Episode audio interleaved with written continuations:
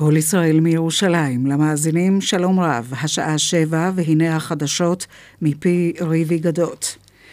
בעיראק הצליחו כוחות הצבא להשתלט על כביש היציאה האחרון ממוסול, ופירוש הדבר שכל לוחמי דאעש שנותרו בעיר כלואים בה כעת.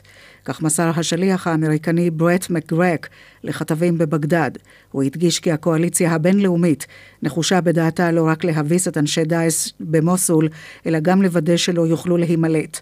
אנשי הארגון יוכלו לנסות לברוח מן העיר בהתגנבות יחידים, אך לא יוכלו לנוע בקבוצות גדולות או להצטייד באספקה לאחר שנחסמו כל הדרכים אל מוסול וממנה. נשיא טורקיה ארדואן שב ותוקף את הולנד ואומר כי היא מתנהגת כמו רפובליקת בננות. הוא קרא לארגונים בינלאומיים להטיל עיצומים על הולנד, לאחר שלא התירה לשניים משריו להופיע בכינוס תמיכה בנשיא הטורקי בעיר רוטרדם. ארדואן איים כי הולנד תשלם את המחיר על הפגיעה בקשרים עם טורקיה. מנגד, ראש ממשלת הולנד רוטה תובע מטורקיה התנצלות לאחר שארדואן ושר החוץ שלו האשימו את ארצו שהיא מתנהגת כמדינה נאצית ופשיסטית. בצהריים הורידו מפגינים באיסטנבול את דגל הולנד מהקונסוליה ההולנדית והניפו במקומו את דגל טורקיה. השר יואב גלנט מכולנו מגיב על היוזמה המדינית המתגבשת בוושינגטון ואומר כי הוא מברך על כל פעולה שתוביל למשא ומתן ישיר. יכול להיות שטראמפ יצליח להחזיר את הפלסטינים לשולחן המשא ומתן, אמר גלנט לרן בנימיני בתוכנית היום הזה ברשת ב'. בתשובה על שאלה אם הוא תומך בפתרון שתי המדינות, אמר גלנט כי גם אם הפלסטינים יקראו לישות שתוקם מדינה, מדובר למעשה בקנטון מבחינת ישראל. למדינה, למדינה הפלסטינית לא יהיה כוח צבאי שיסכן את אזרחי ישראל, והיא לא תוכל לשלוט על הכניסות והיציאות ממנה או על המרחב האווירי. בנצרת נפצעו שלושה נערים, שניים פצעים קשים ואחד פצעים קלים לאחר שנפלו מגובה של כחמישה מטרים. השלושה תושבי נצרת היו על גג מבנה ליד מלון הגליל ונפלו ככל הנראה לאחר שתקרת הזכוכית שישבו עליה נשברה. כתבתנו אורלי אלקלעי מוסרת כי הפצועים שמצבם קשה בן 13 ובן 16 פונו במסוק לבית החולים רמב"ם בחיפה. הפצוע שמצבו קל פונה לבית החולים האנגלי בנצרת. עורך החדשות רון נסיאל התחזית. הלילה ירד גשם לפרקים בצפון הארץ ובמרכזה מלווה בסופות רעמים יחידות. בדרום הארץ יוסיף להיות אביך. מחר ירידה ניכרת בטמפרטורות. גשם יוסיף לרדת מעת לעת בצפון ובמרכז.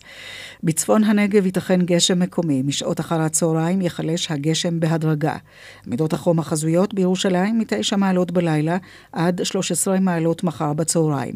בתל אביב מ-13 עד 18, בחיפה מ-12 עד 17, בצפת מ-7 עד 12, בבאר שבע מ-10 עד 18 ובאילת מ-15 מעלות בלילה עד 26 מעלות מחר בצהריים. זה סוף החדשות מכל ישראל. רשת ב' של כל ישראל, כל החדשות, השידור הציבורי שלכם ובשבילכם. מיד דין ודברים, אך לפני כן מוקד התנועה איתן גור, בבקשה. תודה רבה איריס, שלום למאזינים, הנה הדיווחים. בחיפה עומס תנועה בצומת הצ'ק פוסט ובציר ההסתדרות לכיוון דרום. בדרך עכו נהריה עומס אה, תנועה מעכו עד מזרע. דרך 70 צפונה עומס תנועה מצומת יסיף עד מכר. בדרך החוף צפונה עומס תנועה ממחלף רבין עד מכון וינגייט. באיילון צפונה עומס תנועה ממחלף חולון עד ארלוזורוב ובגאה דרומה. עומס תנועה ממחלף גאה עד מחלף בר אילן.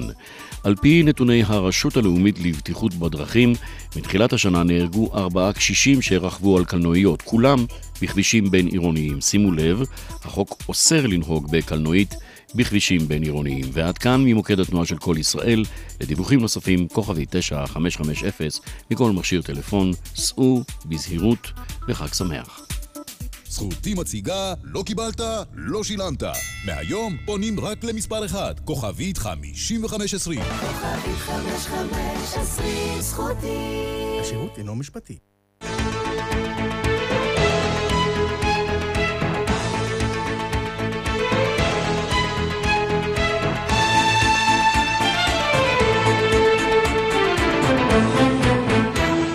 דין ודברים על חוק ערכים ודמוקרטיה ומה שביניהם עם משה נגבי.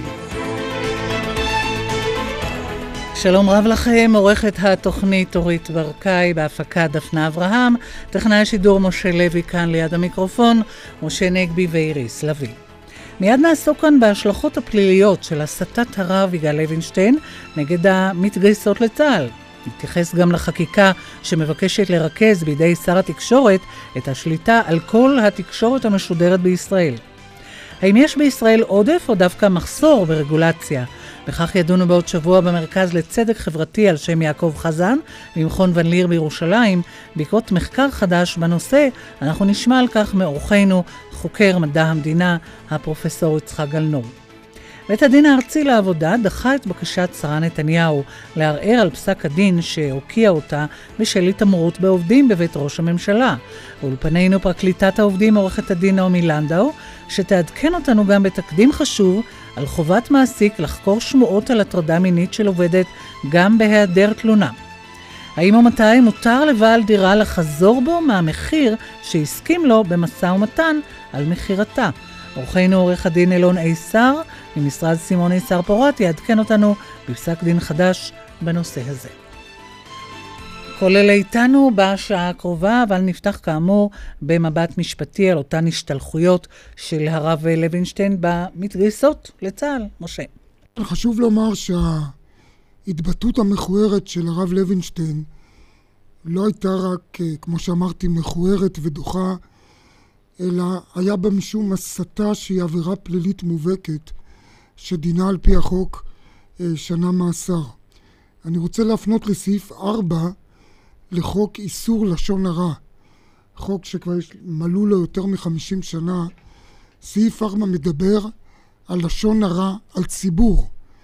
אולי רוב המאזינים שלנו לא מודעים לכך, אבל החוק הזה אוסר לא רק הכפשה וביזוי של אדם ספציפי, אלא גם של ציבור שלם, בין אם מדובר בלהט"בים, בין אם מדובר בחרדים, בין אם מדובר בערבים, בין אם מדובר ביוצאי אתיופיה ובין אם מדובר בנשים, כמו במקרה הזה. ועל פי הסעיף הזה, התבטאות שעלולה להשפיל ציבור או לעשותו מטרה לשנאה ולבוז בשל מעשים או התנהגות המיוחסים לו, ואני חושב שהדברים האלה הולמים ככפפה ליד את מה שכולנו ראינו ושמענו לזוועתנו מפי הרב אה, יגאל לוינשטיין, ובכן התבטאות כזאת היא כמו שאמרתי עבירה פלילית שדינה אה, שנה מאסר.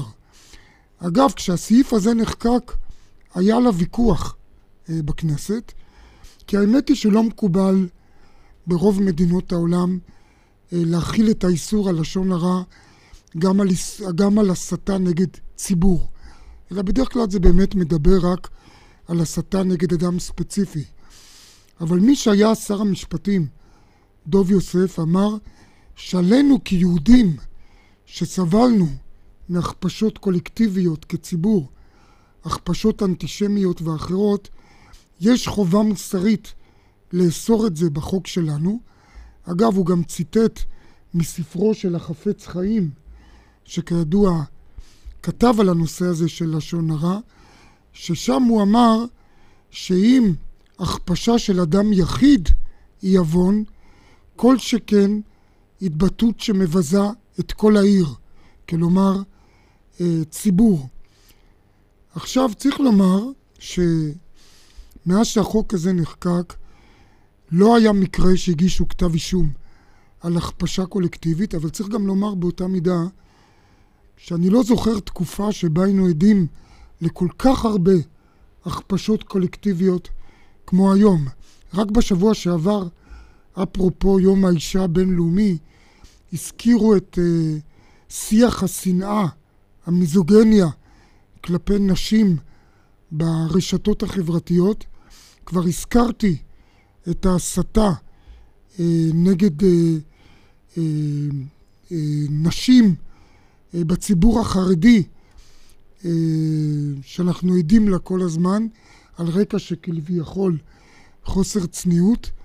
אנחנו מכירים את ההסתה נגד חרדים שמתגייסים לצה"ל, שכבר הובילה לאלימות כלפיהם אה, בשכונות החרדיות. אנחנו זוכרים את היריקות על ילדות, עוד פעם, שלבושות בצורה לא צנועה באוטובוסים בבית שמש. מי שחושב ששיח השנאה כלפי חיילות שמתגייסות לצה"ל, חיילות דתיות, לא עלול להוביל לאלימות אה, דומה, אני חושב שהוא טומן את הראש אה, בחול.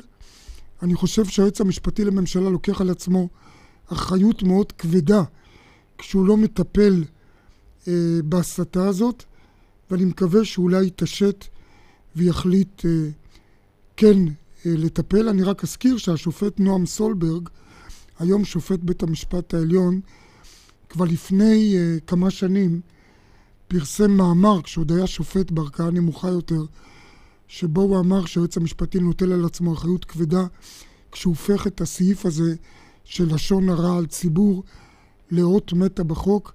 היום אני חושב, כשזה הפך להיות מכת מדינה, אני חושב uh, שהדברים האלה נכונים uh, שבעתיים. ועכשיו אה, ליוזמת החקיקה של הממשלה לרכז בידי שר התקשורת שליטה לא רק בשידור הציבורי, אלא בעצם בכל אה, מערך התקשורת המשודרת בישראל, משה. תראי, איריס, כשאני שומע את ה... על יוזמת החקיקה הזאת של uh, הממשלה, כנראה של ראש הממשלה, שהוא שעומד מאחוריה, אני לא יכול לא להיזכר שוב, וכבר הזכרתי את זה כמה פעמים פה, באותם, באותו מופע פופוליסטי דמגוגי של השרים דאז, שר התקשורת דאז גלעד ארדן ושר האוצר דאז יאיר לפיד אה, לפני שלוש שנים, ממש החודש לפני שלוש שנים, כאשר הם הצהירו בזכיחות על חתימת תעודת הפטירה אה, של רשות השידור והקמת התאגיד, והם אמרו אז שהחוק התאגיד ישחרר את השידור הציבורי מהפוליטיזציה אה, שהוא נתון בו. ואני חושב שאני כבר אז התרעתי, זה לא חוכמה בדיעבד, וגם, ואגב, צריך לתת גם קרדיט לאורח שלנו היום, פרופסור יצחק גנור, שאפילו עשה כמה תשדירים בנושא הזה אצלנו ברשת ב', שהתרענו שחיסול או סגירת רשות השידור לא רק שלא תביא לשחרור השידור הציבורי מהפוליטיזציה, אלא היא תחמיר את התופעה הזאת. והנה אנחנו רואים שהיום אנחנו חוזרים בעקבות אותה חקיקה ואותה בחישה פוליטית אה, בחוק רשות השידור, אנחנו בעצם חוזרים לימים שלפני רשות השידור. חלילה, כשראש הממשלה בן גוריון או שליחיו התקשרו לכאן והכתיבו את אה, תוכן אה, שידורי החדשות. זה בעצם המשמעות של אותה אה, יוזמת אה, חקיקה חדשה. ו, וזה לא שהיינו גאונים גדולים. כבר אז אמרנו שקודם כל ביטול האגרה, כלומר ביטול המצב שבו הציבור מממן את רשות השידור, ומעבר למצב שבו רשות השידור צריכה, וגם התאגיד היום, צריכים לבוא כל פעם ולבקש פרוטות או נדבות מהפוליטיקאים כדי להתקיים, במקום שהציבור יממן באופן ישיר את השידור, זה מכת מוות לעצמאות של השידור הציבורי, אבל לא רק זה, גם המהלך חסר התקדים הזה, שבו מפטרים באמצעות חוק את כל עובדי השידור הציבורי, את כל עובדי רשות השידור, ומבטלים הסכם קיבוצי חתום איתם, כלומר שוברים גם את העצמאות הכלכלית של הרשות ושל השידור הציבורי, וגם את העצמאות הכלכלית של העובדים, על ידי כך שמבטלים את ההסכמים הקיבוציים ומפטרים אותם באופן קולקטיבי, דבר חסר תקדים, אה, כמו, כמו שאמרתי, בתנאים האלה לא תיתכן גם עצמאות בשידורים, אבל אני רוצה לומר יותר מזה. זה נכון שהייתה פוליטיזציה ברשות השידור. איך אומרים? tell me about it. גם התוכנית הזאת, אני אגיד בצניעות, נאבקה בפוליטיזציה הזאת. אבל זה בדיוק ההבדל. היו לנו כלים להיאבק. חוק רשות השידור, עם כל ההשמצות נגדו, אסר על הדרג הפוליטי להתערב באופן ישיר אה, בשידורים. אסר גם ומנע מצב שכמו שאומרים היום, יפטרו את המנהל או יפטרו את יושב ראש המועצה אני רוצה להזכיר שכשאביגדור ליברמן, כמנכ"ל ראש המשרד, ראש הממשלה, רצה להדיח את מרדכי קירשנבאום, מנכ"ל הרשות, מסיבות פוליטיות, מרדכי קירשנבאום אמר לו, זיכרונו לברכה, אני לא הולך מפה, באתי לפה כשליח ציבור, ואביגדור ליברמן לא יכול היה לפטר אותו. אני רוצה להזכיר שכאשר רצו לבטל את התוכנית הזאת, אני יכולתי ללכת לבית הדין לעבודה, ושידרנו פה, איריס, את זוכרת, שנינו, שנה מכוח צו מניעה של בית משפט, שהסתמך על חוק רשות השידור. היום הרסו את כל התעודות ביטוח האלה לעצמאות של השידור הציבורי. במקום זה, יש לנו היום חורבן מבחינת העצמאות. ואני רוצה לומר עוד הערה לכל הפוליטיקאים מכל המפלגות. יש אמרה יפה של אה, אדמונד ברק, עוד מהמאה ה-18, שאמר, כדי שהרוע ינצח, מספיק שהטובים ישתקו וישבו בחיבוק ידיים. לצערי, כמעט כל חברי הכנסת, מתוך פחד לצאת נגד הפופוליזם הזה של ביטול האגרה וכולי, הם פחדו שזה לא יהיה פופולרי, כולם לפחות בשתיקה, או כמעט כולם.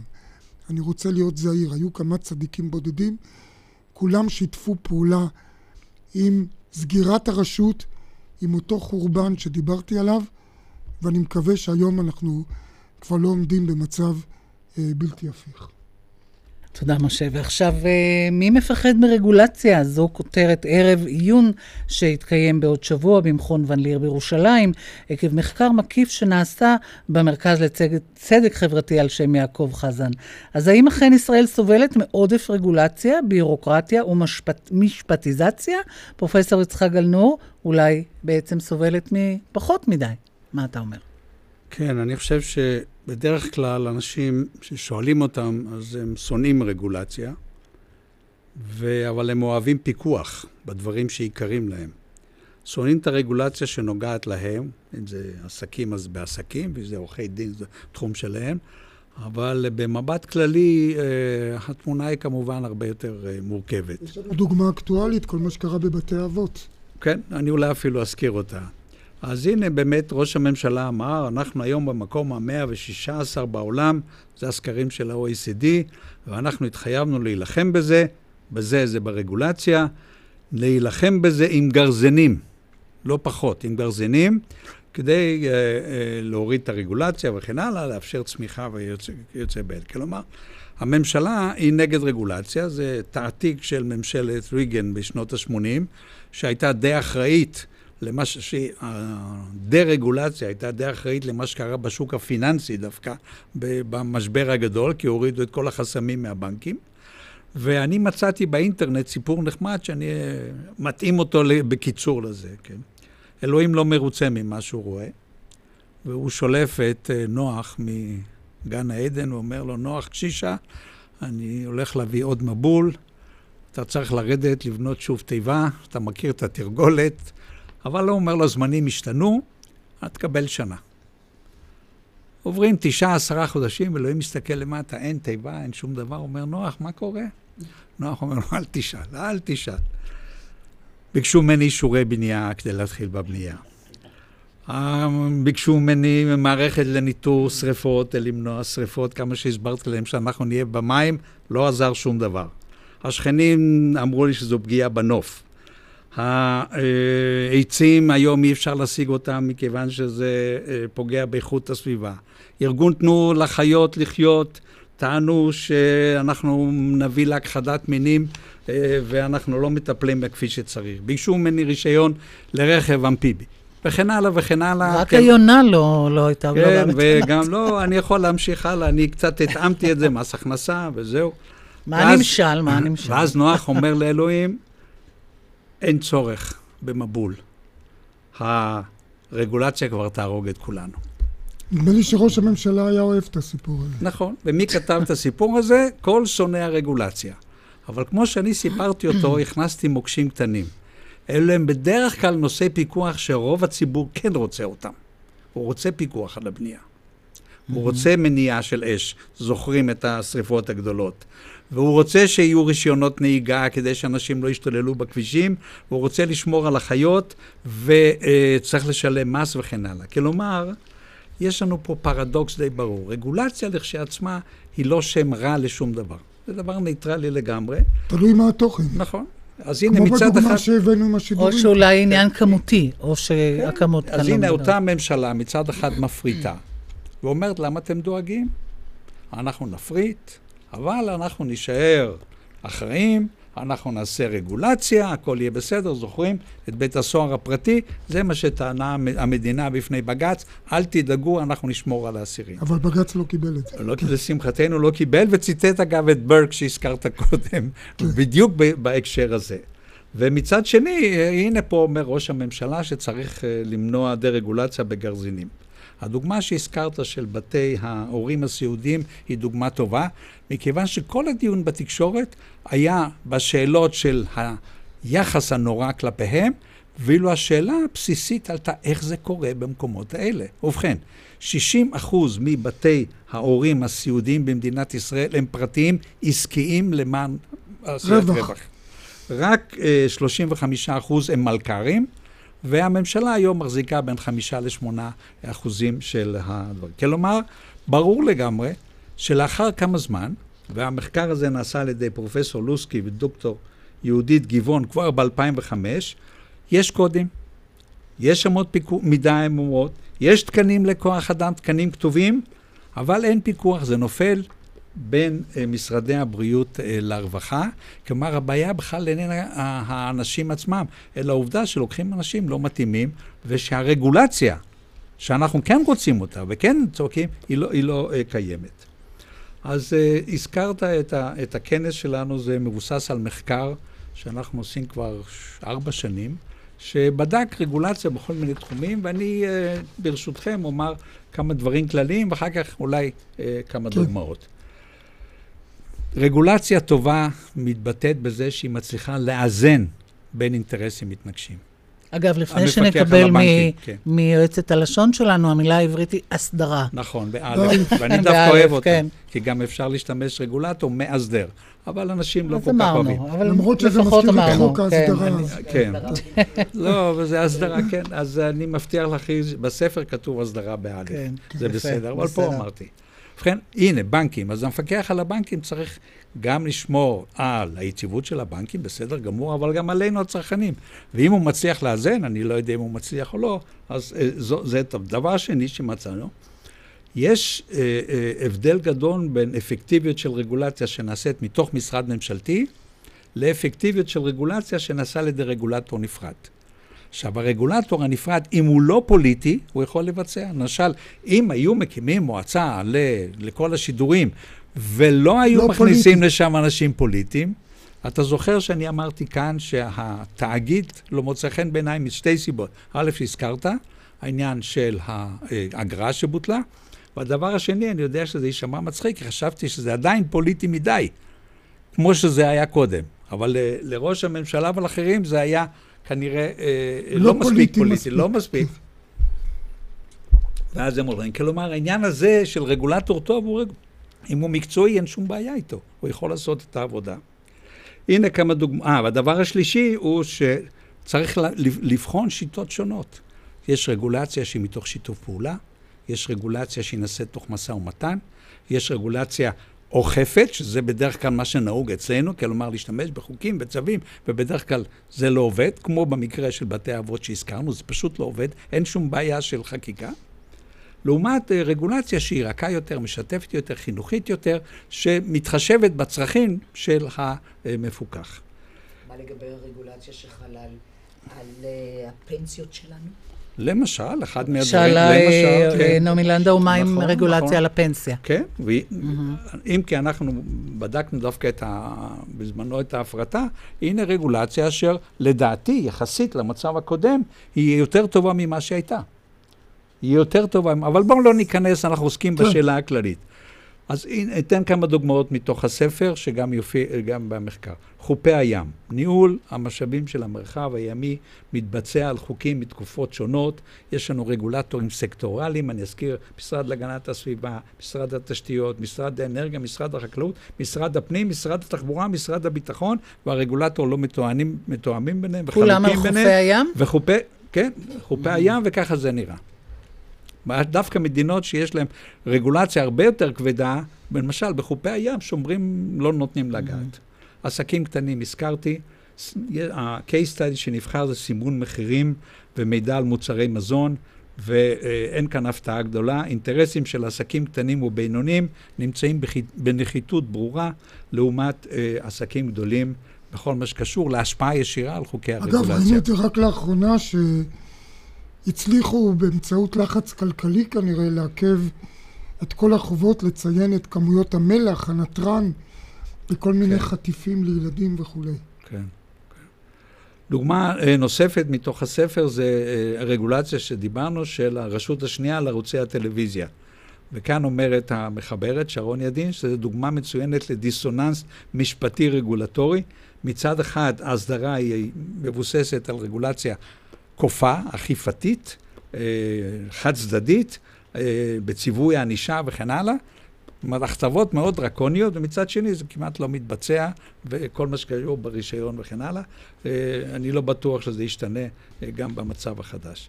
ועוד דוגמה יותר מוכרת של עובדי קבלן ש... ומורי קבלן, שאנחנו היום מצטיינים בזה שיש לנו יותר עובדי קבלן והעסקה פוגענית מסוג זה, אה, מאשר כל אה, מדינה אחרת שעשתה את זה. אנחנו גם יודעים שבתחום של הבנייה, כל אותן תאונות נוראיות, שאין מפקחים אה, במספר סביר כדי כן. לאכוף את חוקי הבנייה. כן, אז זה, אז זה אפשר לומר לסיכום שרגולציה היא הכרחית, ובוודאי שיש רגולציה מיותרת. אז צריך ללכת לזה לא עם גרזינים, אלא עם פינצטה. איך בעברית פינצטה? לקחן. או, התק- התקלת אותנו. לא, מדויק. מדויק, כן, עוד מעט. כלומר, כן. רגולציה היא, בסך הכל מה שאנחנו האזרחים דורשים בהרבה מקרים. רגולציה איננה שם נרדף לבירוקרטיה וסחבת, אלא צריך מדיניות ש, שיש בה היגיון פנימי ומבנה של רגולציה שהיא משרתת את הצרכנים. אגב, משרד ראש הממשלה התחיל לעשות כמה צעדים מאוד חיוביים בכיוון הזה, אבל עדיין מתנדנד בין רצונו להוכיח שהוא עושה דה-רגולציה ומקטין את הרגולציה, לבין זה שהוא בהחלט פועל כדי לאסוף מידע ו- ו- וליצור קצת סדר, ואני חושב שצריך לברך אותו על הדבר הזה. אני רוצה בקיצור, לשאול אותך על איזה מוקש, דיברת קודם על מוקשים, על איזה מוקש שגם יש לו היבט של שחיתות אולי. יש אצלנו טענה שהרבה פעמים, יותר מדי פעמים, רגולטורים עוברים, חוצים את הקווים והופכים להיות מנהלים באותם גופים שאמורים להיות מפוקחים, וזה כמובן מריח לא טוב. אולי אין מספיק פיקוח שימנע את התופעה הזאת. כן, הריח הזה הוא רק, לא רק מרגולציה, זה, זה בכלל אנשים שעוסקים ב- ב- בארגון מסוים או בעסק מסוים, לאחר מכן עוברים אה, אה, לעבוד בו, השני, בין כן. אם היו רגולטורים שלו, או, או, בסך, או בסך הכל היו קשורים אליו בכל מיני דרכים ואגב. כשהם עוברים קוראים להם סמנכ"לים לענייני רגולציה. כן, לא לוקחים אותם כן. בדרך כלל, כי הם מתמצאים באותם המבוכים שבו העסק הזה רוצה להיכנס, בין אם זה אה, כפוף לר... בוודאי שזה אחת מהדברים. בקיצור, צריך, כמו בכל דבר אחר, מדיניות. איזון. ש... לא מאוזנת. מדיניות אשר קודם כל מגדירה רגולציה בלי צעקות כן. ובלי, ובלי התלהמות. מבחינה בין זו שהיא טובה לזו שהיא לא טובה, מבחינה בין סוגים שונים, ועושה את מלאכתה. אנחנו נסתפק בדברים האלה. אגב, קיבלנו מרות אלמגור, פינצטה זה מלקט. אז תודה תודה רבה. תודה רבה, אה, כן, תודה לרות, ותודה רבה לך, פרופסור יצחק גלנור. נצא להפסקת פרסומת קצרה, מיד חוזרים כאן בדין ודברים, רשת ב'. מהרו, ימים אחרונים לאירוע המכירות הגדול של יונדאי. בואו ליהנות מהטבות מדהימות על כל דגמי יונדאי עד 15 במרס, בכל אולמות התצוגה. יונדאי. שוב נגמרו המים החמים? מתקדמים למחמם מים של אמיסרגז ונהנים ממים חמים בלי הפסקה. לפרטים חייגו כוכבית 3626 או ייכנסו לסניפי אמיסרגז. תמיד כאן בשבילכם, אמיסרגז. פורים, לא מה שחשבתם. מרדכי היהודי היה מתבולל תאב כוח וממון. הצלת היהודים בשושן הייתה פתח לטרגדיה נוראה. מגילת אסתר טומנת בחובה אזהרה מפני החלום האמריקני הנוצץ והמשקר. ככה יעשה ליהודי, ספרו פורץ הדרך של מייקל אייזנברג. ככה יעשה ליהודי, בהוצאת צלע מאיר, עכשיו בחנויות הספרים. שריונית חוסן, דלתות כניסה ומבחר דלתות פנים כבר 40 שנה. שריונית חוסן, דלתות הדור הבא, שריונית כוכבי 9853 סימנס קונים ב... מי יהיו המאתיים שיזכו ליהנות מהצעה חסרת תקדים על ה-SUV הטוב בישראל? מיצובישי אאוטלנדר החדש, רק 200 מכוניות, רק חמישה ימים, 13 עד 17 במרס. מיצובישי. כולם בעד אנשים עם מוגבלות, עד שזה מגיע אליהם. זה הבניין שלי? עם כל הכבוד, פה זה... זה פחות אה, מתאים. הילדים לא צריכים לראות. עדיף שיחיה עם אנשים כמוהו. אבל לא פה. שם, שם, שם. שם! אנחנו כאן, ואיננו הולכים לשום מקום. כדי לתמוך בזכותנו לגור בקהילה, חפשו את הסרטון, תעשו מקום. מוגש מטעם ארגון בזכות ולינק 20, הרשת לקידום צעירים עם מוגבלות ביוזמת קרן משפחת רודרמן. בואו לצחוק באופרה לגזטה של רוסיני. קומדיה טעויות צבעונית ומשעשעת, בביצוע בכורה בישראל. לגזטה, מ-29 במרס עד 9 באפריל, באופרה הישראלית. כמו לחכות יום שלם כדי להיכנס בערב למיטה עם ספר טוב, כזה שאי אפשר לעזוב, שממש שואב אתכם לתוכו. כפיות, ספרה החדש של לילך סיגן, הוא בדיוק ספר כזה. כפיות, יומן זוגי חשאי שסוחף את גיבוריו למסע אישי מפתיע ולחצייה של גבולות בלתי צפויים. כפיות, ספר להיסחף איתו ולגלות דרכו גם משהו על עצמכם. כפיות מחכה לכם בחנויות הספרים. מיקסר קיצ'נייד קונים ב...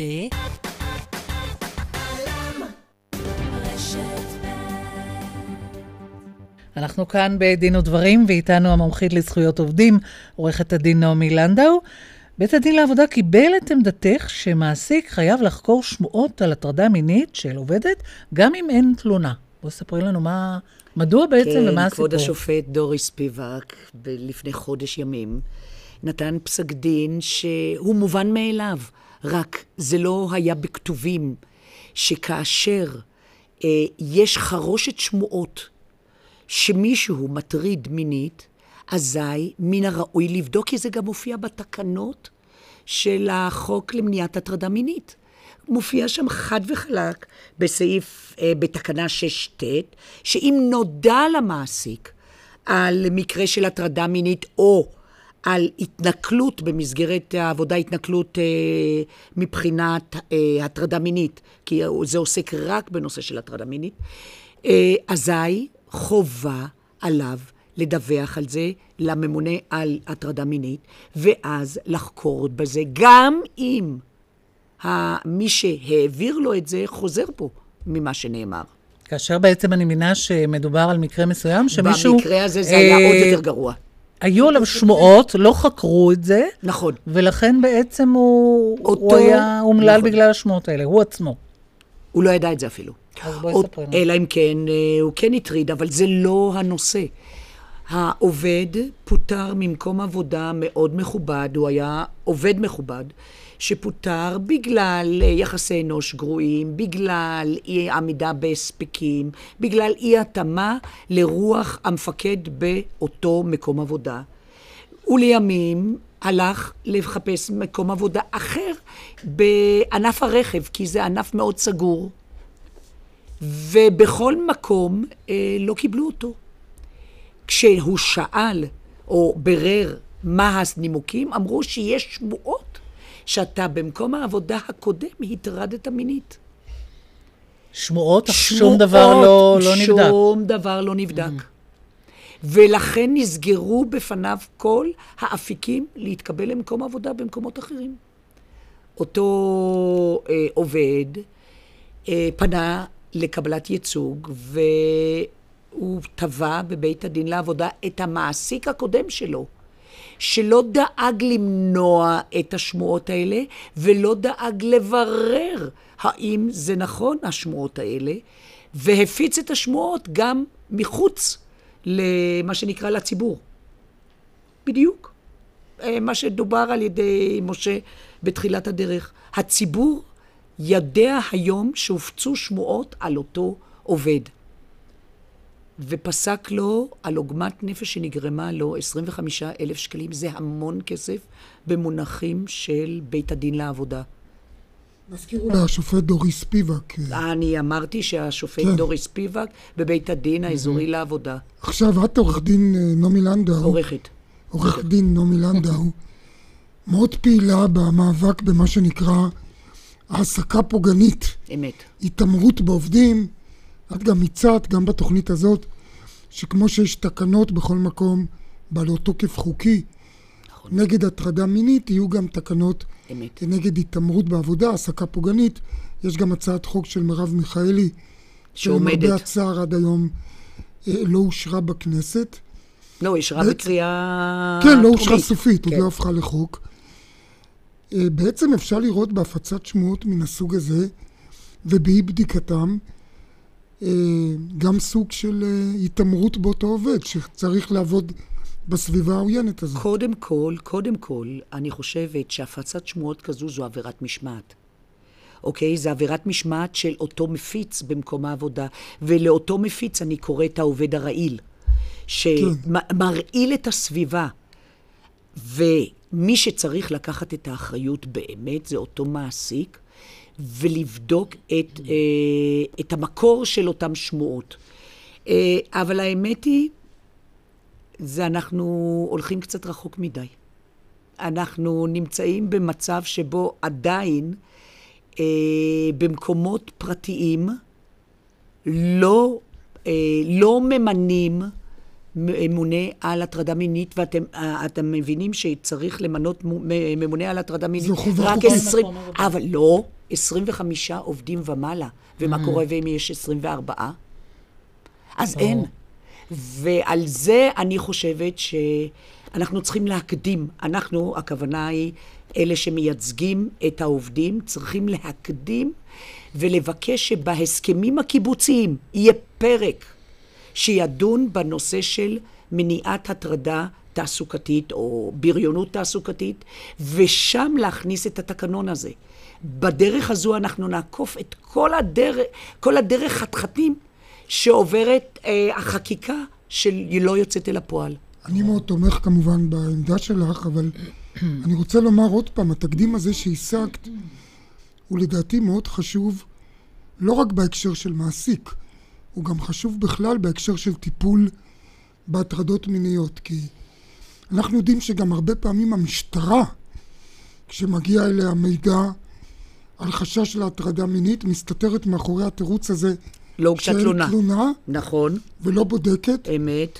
אני הצגתי למרות את שבחוק המתלוננת. כתוב, בחוק כתוב, או לא מתלוננת. אם כן. נודע למשטרה, כמו נכון. במקרה של המעסיק, נכון. אז אני מקווה שבעקבות התקדים הזה שהשגת, גם המשטרה לא נשמע ממנה יותר את התירוץ הנלוז הזה, אין תלונה ולכן אנחנו אה, לא בודקים. אז שוב, מגיע לך יישר כוח על התקדים הזה. אי אפשר כמובן, עורכת דין נעמי לנדאו, בייחוד שהזכרנו את הנושא של התעללות בעבודה, העסקה פוגענית, לא להזכיר שוב שאת גם מייצגת את אותם עובדים בבית ראש הממשלה, אה, מני נפתלי ו... אה, גיא אליהו. גיא אליהו. אמת.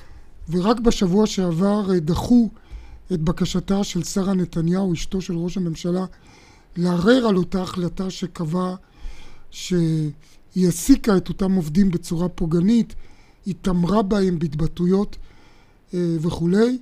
אני מניח שלא הופתעת מזה שדחו את הבקשה שלה לערער, כי בעצם אנחנו גם אמרנו את זה בתוכנית הזאת, היא לא הייתה בכלל צד להליך, ולכן לא ברור על מה היא התבססה.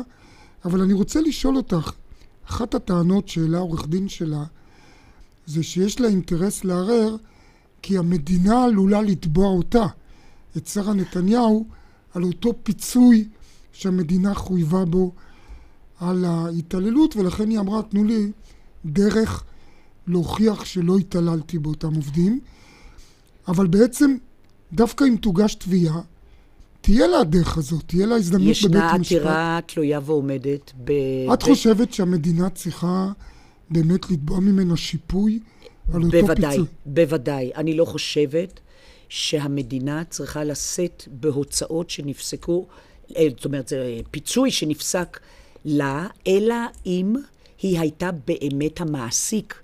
ומעסיק, כמו שאמרנו, צריך לבדוק תלונות כאלה. ויכול להיות שאם אנחנו לוקחים את כן. דורי ספיבק ואת, אה, ואת אה, הפסיקה בנושא של שרה נתניהו, בנושא התנכלות תעסוקתית, שזה שני דברים אחרים לגמרי, ו- ומשיקים בהם יחד, אז אנחנו מגיעים למסקנה שהמדינה פה כשלה, ולכן היא לא תוכל לתבוע.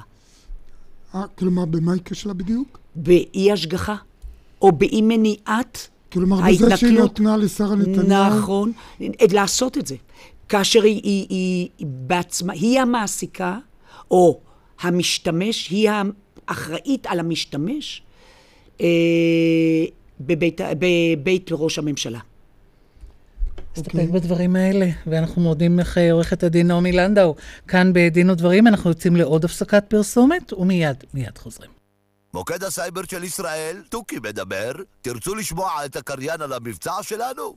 בזק בינלאומי פותחת את מוקד הסייבר מענה לכל הגולשים, ואתם נהנים ממבצע מיוחד לאינטרנט עם הביצועים הטובים ביותר ועם שכבת ההגנה סייבר וול. למבצע מיוחד חייגו עכשיו כוכבית 5014. בזק בינלאומי, הכי טוב באינטרנט. כשהאבוקדו גליל, הטעם לא רגיל. תשאלו כל דחליל. חגיגת מותגים בינלאומיים באופטיקנה. קונים ב-500 שקלים ומשלמים רק 300. על כל משקפי השמש והראייה. מרק ג'ייקובס, ג'ימי צ'ו, סלין ועוד. אופטיקנה, אופטיקנה. כפוף לתקנון. חוגגים אביב בטויוטה. טויוטה Spring Time. מבצע אביב של הנחות מיוחדות. המרת trade-in ומסלולי מימון אטרקטיביים למגוון דגמי טויוטה. 10 עד 17 במרס בכל אולמות התצוגה. כפוף לתקנון. הייר, קונים ב... לבני החמישים החדשים יש הרבה דרכים חדשות להיפצע ורק דרך אחת לשמור על איכות החיים. הצטרפו לביטוח 50 פלוס של AIG, עכשיו רק משקל אחד ליום. כפוף לתנאי החברה. כשאתה שומע צד אחד, אתה מקבל רק חצי מהתמונה מהתמונה המלאה. חדש, יישומון 360, התמונה המלאה, אפליקציית החדשות הטובה בישראל, כל החדשות והכתבות שחובה לקרוא. הורידו את 360, התמונה המלאה, בגוגל פליי או באפסטור. כשהאבוקדו גליל, הטעם לא רגיל. תשאלו כל דחליל. מקררים קונים ב... חוגגים אביב בטויוטה. טויוטה Spring Time. מבצע אביב של הנחות מיוחדות. המרת trade-in ומסלולי מימון אטרקטיביים למגוון דגמי טויוטה. 10 עד 17 במרס בכל אולמות התצוגה. כפוף לתקנון. אנחנו כאן בדין ודברים. עורך דין אלון איסר איתנו כאן ממשרד סימון איסר פורת. ערב טוב לך. ערב טוב. אתה מעדכן אותנו בפסק דין שקובע האם ומתי יכול בעל דירה לחזור בו ממחיר שביקש תמורותיו, ובעצם להסתלק בכלל מהמשא ומתן. נכון, השאלה היא בעצם אה, יותר מורכבת, והיא שאלה שנוגעת לדבר יומיומי שכולנו חווים. אדם מבקש למכור את הדירה שלו, פונה אליו קונה, משוחחים, מסכמים פחות או יותר את תנאי המכירה. לא חתמו מחיר- עדיין כלום. לא חותמים שום דבר, מעבירים את העניין לעורכי דין, עורכי הדין מעבירים טיוטות, ובשלב מסוים, לפני שנעשות איזה שהן פעולות במסגרת העסקה, בין אם זה העברת כספים, בין אם זה רישום הערת אזהרה וכיוצא בזה, אחד הצדדים מודיע לשני, אינני מעוניין להמשיך בעסקה. במצב דברים כזה, בעצם יש לנו uh, תאונה uh, משפטית קלאסית, שבה בית המשפט צריך להכריע מה, מה, מה יהיה בעניין, וזה מסוג... אולי רק ניתן איזה נתון רקע למאזינים שהם לא משפטנים. נדמה לי שמה שמסבך פה את התשובה לשאלה שאתה מעלה, זה שיש הוראה מפורשת בחוק שבעסקה על מכירה או קנייה של דירה, חייב להיות הסכם בכתב. כלומר, נכון. זה דווקא הסכמה העניין- בעל פה לא תופסת. נכון, זה דווקא העניין שמפשט. העניין שמסבך זה השלב הבא אחר כך, כשבאו בתי המשפט ואמרו שבמקרים מסוימים שבהם אחד הצדדים נהג בחוסר תום לב משווע, למרות שלא קוימה החובה. תחתיו, עדיין רואים בהסכם שייאכף. זאת אומרת, הוראת, הוראת חוק המקרקעין היא מאוד ברורה, והיא דווקא מפשטת לנו את הדברים. Uh, הפסיקות של בתי המשפט שבאו ב, על, על רקע שונה מהמקרה שלנו, ואני אולי אגע בכמה נקודות במקרה כן. שלנו, uh, באו ואמרו שבמקרים קיצוניים של חוסר תום לב, בעצם יקבעו שיש, שנחרט הסכם. למרות שרק דיברו, כאילו, לא כתבו. לא, לא, לא, לא, אז אני אומר, המקרים הם אחרים, זה בדיוק, כן. כאן, הוויכוח. מתי בתי המשפט בעצם, מה שקרה במקרה שלנו זה באמת רק דיברו, עורכי הדין החליפו טיוטות, בכותרת היה את ה, אה, הייתה את הפסקה נגיד הידועה. רק לשם הגילוי הנאות, אתה אחד מעורכי הדין. לא, לא. לא? אני הצגתי בתיק אחר כך, אני לא, אה, לא, אוקיי. הייתי, מעורב אוקיי. בעסקה הזו. אה, כשבעצם החליפו ביניהם טיוטות, סיכמו כמעט את כל הפרטים, אבל לא סיכמו למשל, לא קבעו מועד לחתימה על ההסכם, לא סיכמו מתי ייחתם ההסכם, היו, היו גם איזה שהם דין ודברים לגבי חלוקת התשלומים, היו שאלות לגבי פרויקט תמ"א 38 שצריך להיות, וכ- ו- ועוד כל מיני פרטים קטנים שלכאורה אה, ניתן, היה, ניתן להשלים אותם אה, בנקל. במקרה הזה הודיע אה, הנתבע, או המוכר, שהוא גם היה הלקוח שלי בתיק, לתובעת שהוא מבקש, שהוא יורד מהעסקה ונאלץ להקפיא אותה לעת עתה. זה עוד בשלב שלא נחתם שום דבר, לא נעשה שום דבר, עורכי הדין לא היו בקשר ישיר ביניהם. הוא אמר עוד דבר, הוא אמר שבעצם הוא התחרט והוא לא רוצה למכור את הדירה. הוא נאלץ להקפיא לעת עתה, נכון, הוא אמר כן. שהוא נאלץ להקפיא את זה לעת עתה, הוא לא נכנס לסיבות. כי... לא, הוא אמר משהו שהוא לא בטוח שהוא יכול להישאר בדירה שהוא גר. זה כבר היה אחר כך ב- אוקיי, ב- ב- כן, ב- בהודעה, וזה כאן אגב עוד דוגמה לתהליך שאנחנו עוברים, ממצב שבאמת תחתיו היה משהו מיוחד, ועד היום שהוא דבר יומיומי ואפילו צורת התקשרות אה, פחות מחייבת מ- משיחות בעל פה, כי ההתקשרות ביניהם הייתה ב- בהודעות טקסט ב- ב- בוואטסאפ. אגב, ולכן- הודעת וואטסאפ נחשבת הודעה בכתב או בעל פה? זה גם שאלה משפטית. אבל כן- זה כן. תלוי אם אתה עושה שני ויים. אם ראו אותך, כן, אם, אה, אם האיש ראה זו. שאלה משפטית מעניינת שעוד לא. הוכרעה. אבל כן. פה, אגב, בעקב- בעקבות, בעקבות השיח הזה בוואטסאפ, שהתגובה של הקונה הפוטנציאלית הייתה, וואו, הפתעת אותי, בית המשפט בא וקבע שהוא לומד מזה שלא נחרט הסכם. כי הוא אומר, אם היה נחרט הסכם, התגובה שלה הייתה, מה, אבל כבר סיכמנו, או מה, כבר סגרנו את הדברים. בדיוק. ברגע שהיא באה באה ואומרת, וואו, הפתעת אותי, אה, בית המשפט למד מזה שגם לשיטתה לא נחרט הסכם. אה, במקרה כזה, אגב, המקרים האלה מאוד נפוצים, אני יכול להגיד, המשרד שלנו עושה הרבה עסקאות מקרקעין, זה, אין כמעט חודש שהדבר הזה לא קורה, ואז השאלה מה עושים. מרבית האנשים אומרים לא נורא, יגיע מישהו אחר, וממשיכים הלאה מה בחייהם. זאת אומרת יגיע מישהו אחר? תגיע- יגיע תגיע קונה דירה אחר, אחרת. יגיע מוכר אחר, כן, בדיוק, מה שלא צריך אוקיי, לקרות, זה לא מה אותו שצריך דבר. לקרות, מה שצריך לקרות יקרה בסופו של דבר, וממשיכים הלאה בחייהם. הרבה מאוד אנשים מגישים תביעות כספיות על ניהול משא ומתן בחוסר תום לב, ואז למשל אומרים, עורך הדין עלה לי איקס שקלים, אני מבקש מהצד השני לפצות, או אני מבקש איזשהו פיצוי עונשי. אנחנו מכירים פסיקות כאלה בסדר גודל של עשרת אלפים, עשרים אלף שקלים, חמישה עשר אלף שקלים, בדרך כלל זה בתי המשפט לתביעות קטנות. וכאן הקונה נקטה בצעד אה, דרסטי והגישה תביעה לבית משפט מחוזי לקבוע שנחרט הסכם. והיא קבעה א', שהגיע, שסוכמו כל הפרטים, וב', גם אם לא סוכמו כל הפרטים, היא אמרה שחוסר תום הלב של המוכר, בגללו צריך אה, לקבוע אוקיי, שנחרט כאשר היא הסכם. אומרת סוכמו כל הפרטים, מתכוונת בעל פה. לא, לא, אפילו בטיוטות. היו טיוטות, כבר היו טיוטות? חזור. כן, כן, אה, אמרתי, אוקיי. אמרנו, היו טיוטות, הלוך, חזור. לא הייתה אוקיי. טיוטה סופית, לא הייתה טיוטה לחתימה, לא היה מועד לחתימה. היה שלב של טיוטות, שלב ר- רגיל ומקובל אוקיי. ב- בהליכים. ופה בית המשפט בעצם נדרש לשאלה, בית המשפט אגב קבע שהמוכר פה נהג בחוסר תום לב, כי הוא ביקש להפסיק את העסקה כדי לקבל סכום גבוה יותר, הוא לא קיבל את ההסבר שלו, ההסבר האחר, אה, למה הוא בעצם ביקש לקבל את העסקה, ואז עלתה השאלה, האם חוסר תום הלב שלו הוא די בו כדי לקבוע שנאכף, שנחרט הסכם בין הצדדים. והאם אפשר לכפות עליו למכור לה את הדירה? בעצם? לכפות עליו בוודאי שבית המשפט יכול לכפות. בית המשפט לא, יכול... האם אפשר לכפות האם ראוי ש- במקרה הזה לכפות, ש... לכפות, כן. לכפות עליו מכירת, אה, את מכירת הדירה. עכשיו, בתי המשפט עוסקים בנושא הזה, שאוכפים במק- במקרה של חוסר תום לב, כאשר נעשו פעולות במסגרת ההסכם. למשל, כאשר הוא עבר כסף. אה, למשל, כאשר לא נכתב הסכם כדי, מפאת איזושהי החלטה, אה, מחשבה בלתי חוקית. אה, אנחנו מכירים פסק דין שהיה לפני מספר חודשים בבית המשפט העליון. כי רוצים לרמות את מס שבח. אה, או, או למשל, אנחנו מכירים פסק דין שהיה לא מזמן בבית המשפט העליון, שבו אדם היה בעלים של מגרש, ולפי התנאים שבהם הוא היה בעלים, הוא לא יכול היה למכור אותו במשך חמש שנים.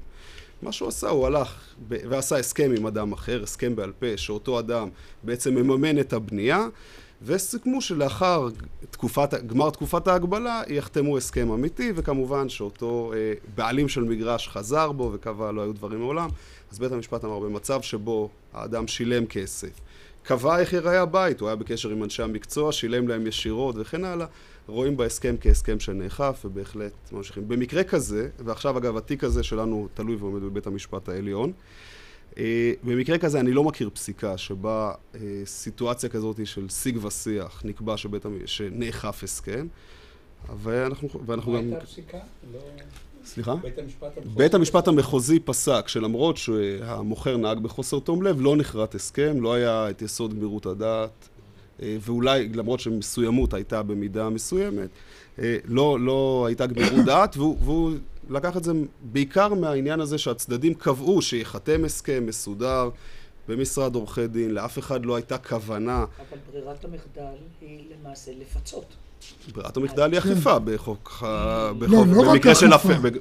לא, לא, ברירת המחדל הרגילה היא כמובן היא פיצוי, אבל פה, התובעת, זה בדיוק מה שאמרתי, שפה התובעת, בניגוד למקרים אחרים, הגישה תביעה לאכיפת הסכם ולא איזושהי תביעה אבל בית על המשפט הנזקים אמר שהיו. שעדיין פתוח בפניה הדרך. זה בוודאי, בוודאי, בוודאי, על. בוודאי, המאבק שלה כרגע בשלב הזה הוא על אכיפה, לקבל את הדירה, בדיוק. עכשיו, אני מבין, גם מתוך מאמר שפרסם אה, עמיתך, עורך דין מוטי בניאן, גם כן אדם שמתמחה אה, בענייני נדל"ן, גם פרסם ספרים בנושא הזה, מאמר שהוא פרסם בגלובס אה, בשבוע שעבר, שפסק הדין שאתה מספר עליו זה בעצם חלק מטרנד מסוים, כלומר, אולי גם בהשפעת הטכנולוגיות, התקשורת החדשות, כמו שאמרנו, שאפשר, אין כבר רק ברירה בין שיחה בעל פה לבין תכתובות, אלא יש גם את כל אמצעי הביניים האלה, אס.אם.אס, וואטסאפ וכולי.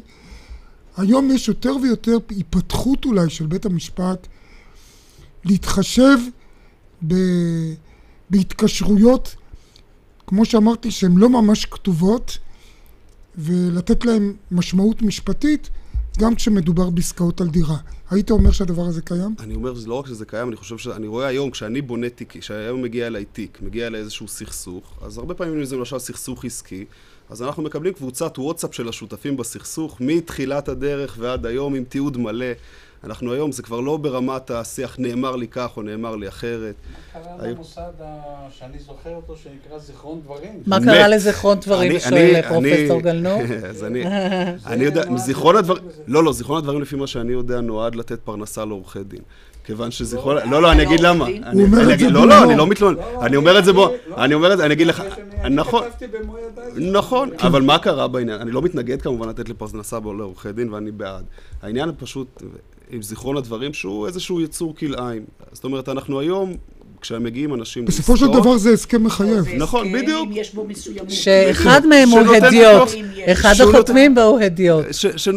שנותן לנו, פתח לוויכוח, הרי הרבה יותר פשוט היום, אגב, הרבה יותר פשוט היום, כאשר יש עסקה, לא לחתום זיכרון דברים, אלא לסכם את הפרטים, להעביר את הדברים לעורכי הדין, והסכם ייחתם בתוך זמן קצר. זיכרון הדברים הוא נועד לאותו מצב ביניים, והוא בעצם יוצר פתח לכל מיני ויכוחים משפטיים אה, ב- בעניין אז שלנו. היזהרו בזיכרון דברים, ואתה אומר, תעבירו. לא, אני- כן. אז- אז- אז פה- אז פה- אז פה יש- אז פה יש לא, מחלוקת בינינו, פרופסור אנחנו... אנשים משלים את עצמם, שאם הם חותמים על זיכרון דברים זה לא מחייב. אבל האלטרנטיבה היא יותר גרועה. זה אני לא יודע. חברים, אנחנו אה, סיימנו, רבותיי. זה וי- זה ויכוח בין שתי אסכולות שאנחנו... סיימנו, זה ויכוח כן. בין אלה שלא רוצים להשתמש כל הזמן בעורכי דין. חותמים זיכרון דברים בין שני אנשים הגונים, כדי לטפל במצב... אז אני אגיד לך יותר מזה, בין אנשים הגונים לא צריך בכלל זיכרון דברים, אפשר ישר לגשת לעורך הדין, אין גבול. נסתפק בדברים האלה, רבותיי וגבירותיי. אנחנו סיימנו, תודה. לפרופסור יצחק גלנור, עורכי הדין נעמי לנדאו ואילון עיסר, עורכת התוכנית אורית ברקאי, מפיקת דפנה אברהם, הטכנאי משה לוי, באולפן היינו משה נגבי ואיריס לביא. דין ודברים, גם ביום ראשון הבא. שלום, ערב טוב ופורים לשמחה. להתראות.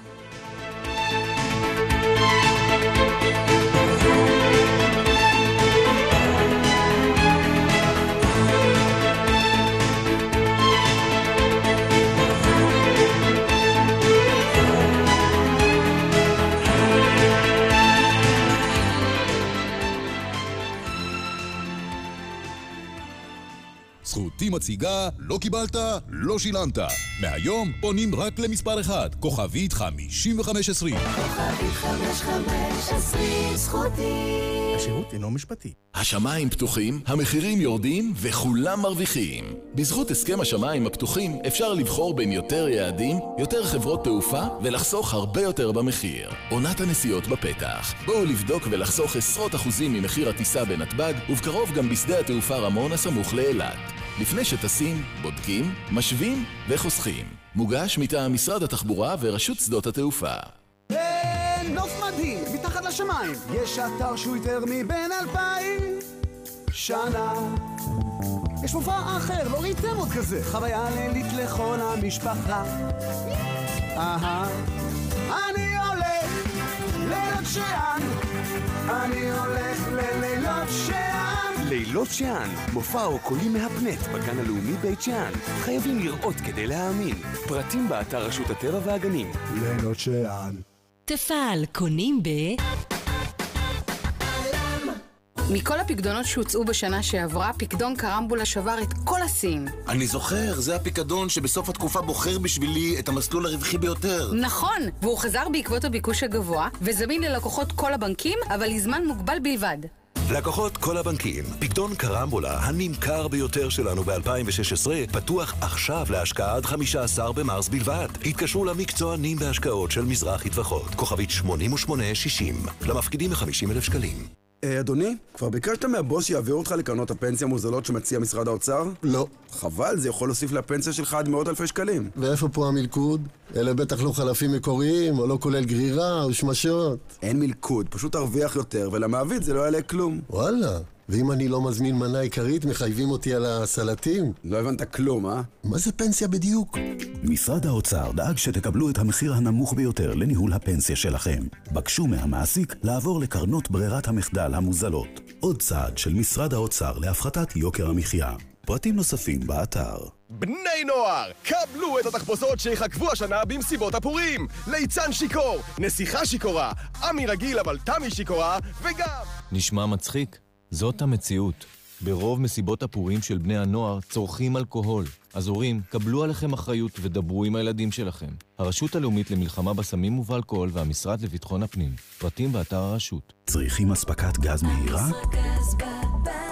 לאספקת גז מהירה, מהימנה ובטוחה, אמיסרגז היא הביטחון שלכם בשירות ובאיכות. לפרטים חייגו כוכבית 3626 או ייכנסו לסניפי אמיסרגז. תמיד כאן בשבילכם, אמיסרגז. מורפי ריצ'רדס קונים ב... יובל, יש לך תוכניות לפסח? או-אה, מלא. בילוי עם הילדים, ים בשיפוצים, סיבוב בקניונים, מתנות חג לדודים. תירגע, יש בסך הכל שבועיים. שבועיים? זה מה שתכננתי ליום הראשון. במקום להתחיל את החגים במינוס, לאומי קארד מציגה הלוואת restart לחגים עד 60 אלף שקלים בשיחת טלפון אחת בלי מאמץ. אז במקום לחייג לבנק, פשוט חייגו כוכבית 91-92. לאומי קארד, תמיד לפנק. כפוף לתנאי החברה. אבוקדו, בננות ואגסים, קלמנטינה, אור פומלה, תפוחים, לעד תפוז וגם רימון מאה אחוז, פסיפלורה ויש עוד חייב לזוז.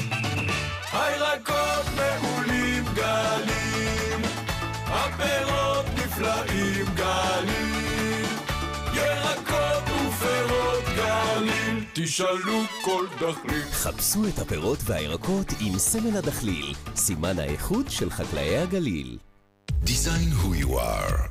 Design What You Are וולבו בימי מכירות מיוחדים על סדרת ה-R-Design הספורטיבית ומגוון דגמי וולבו בהצעות מיוחדות מ-14 עד 17 במרס לפרטים כוכבית 3011 Are you ready? וולבו, כפוף לתקנון רשת מחסני חשמל מכריזה על מכירת פורים הגדולה שתתקיים עד יום שני. עד יום שני במחסני חשמל יינתנו הנחות מטורפות במחירים חסרי תקדים. מכירת פורים הגדולה עד יום שני ברשת מחסני חשמל. רשת ב' של כל ישראל. אנו עוברים עתה אל הטלוויזיה הישראלית, הערוץ הראשון, לשידור מהדורת מבט. בדברי הנאצה שלו בגנות ישראל ומשפחות הנרצחות מביעות זעם על שחרורו שפותח מחדש את הפצע ומחדד את הכאב שלהן ואנחנו פותחים בדיווחו של כתבנו יובל קינג. כמו גיבור לאומי ולא מחבל, התקבל אחמד אגמסה, רוצח